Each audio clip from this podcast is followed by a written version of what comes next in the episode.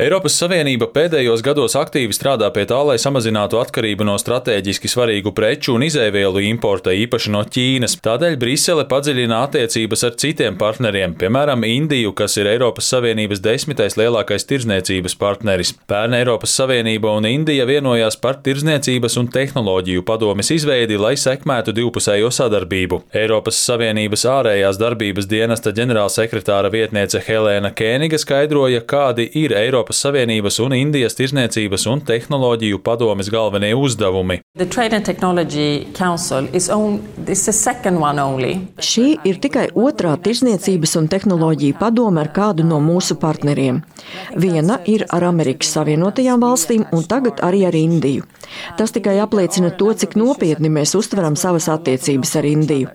Padomas ietveros mēs diskutēsim par jautājumiem, kuros mēs viens no otra daudz ko varam mācīties. Un, kā jau ir saprotams no nosaukuma, galvenā uzmanība ir pievērsta tirdzniecībai un tehnoloģijām.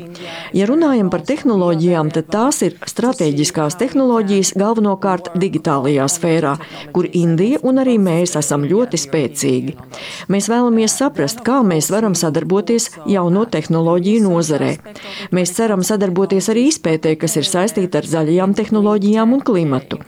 Ja runājam par tirdzniecību, tad mūsu fokusā ir ilgtspējīgas piegādes un vērtību ķēdes, kuras bija ļoti noslogotas Covid-19 pandēmijas dēļ, bet dažas no tām atjaunojas mūsu jaunajā ģeopolitiskajā realitātē. Šodien Briselē norisināsies Eiropas Savienības un Indijas tirzniecības un tehnoloģiju padomes pirmā tikšanās ministru līmenī. Eiropu tajā pārstāvēs Eiropas komisijas priekšsēdētājas izpildvietnieki Valdis Dombrovskis un Margrēte Vestagere.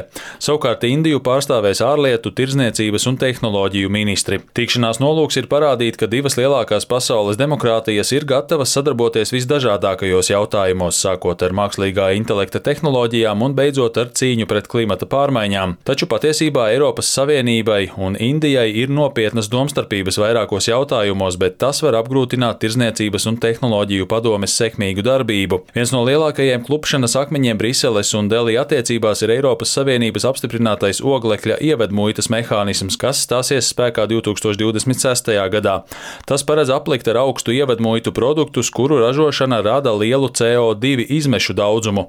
Indija šādas papildu izmaksas uzskata par negodīgas tirzniecības tirzniecības praksi. Eiropas Savienībai un Indijai ir arī atšķirīgi uzskati par to, cik daudz valdībām vajadzētu regulēt mākslīgā intelekta tehnoloģiju un personu datu izmantošanu. Lielas šaubas par Eiropas Savienības un Indijas tirzniecības un tehnoloģiju padomes nākotni raisa arī fakts, ka Eiropas Savienība un Indija jau 16 gadu nesekmīgi mēģina vienoties par brīvās tirzniecības nolīgumu. Pēdējā laikā sarunas ir aktivizējušās, tāpēc Eiropas Savienības ārējās darbības dienesta ģenerālsekretāra vietniece Helēna Helēna Kēniga ir optimistiski noskaņota. Abu pušu augstākie vadītāji ir stingri apņēmušies pabeigt sarunas ar labu rezultātu.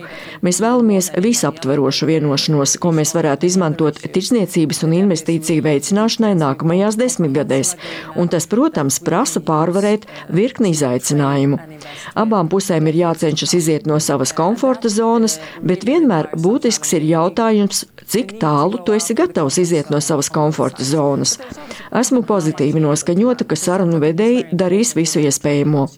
Ministru tikšanās laikā mēs plānojam iepazīstināt ar vairākām iniciatīvām, kuras varētu palīdzēt noslēgt vienošanos, un ir manāma vēlme to izdarīt.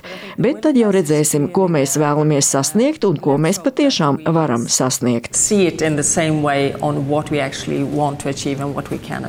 Martā noslēdzās Eiropas Savienības un Indijas sarunu par brīvās tirniecības nolīgumu ceturtā kārta, un sagaidāms, ka tuvākajos mēnešos sāksies sarunu piektā kārta. Uldis Česberis, Latvijas radio.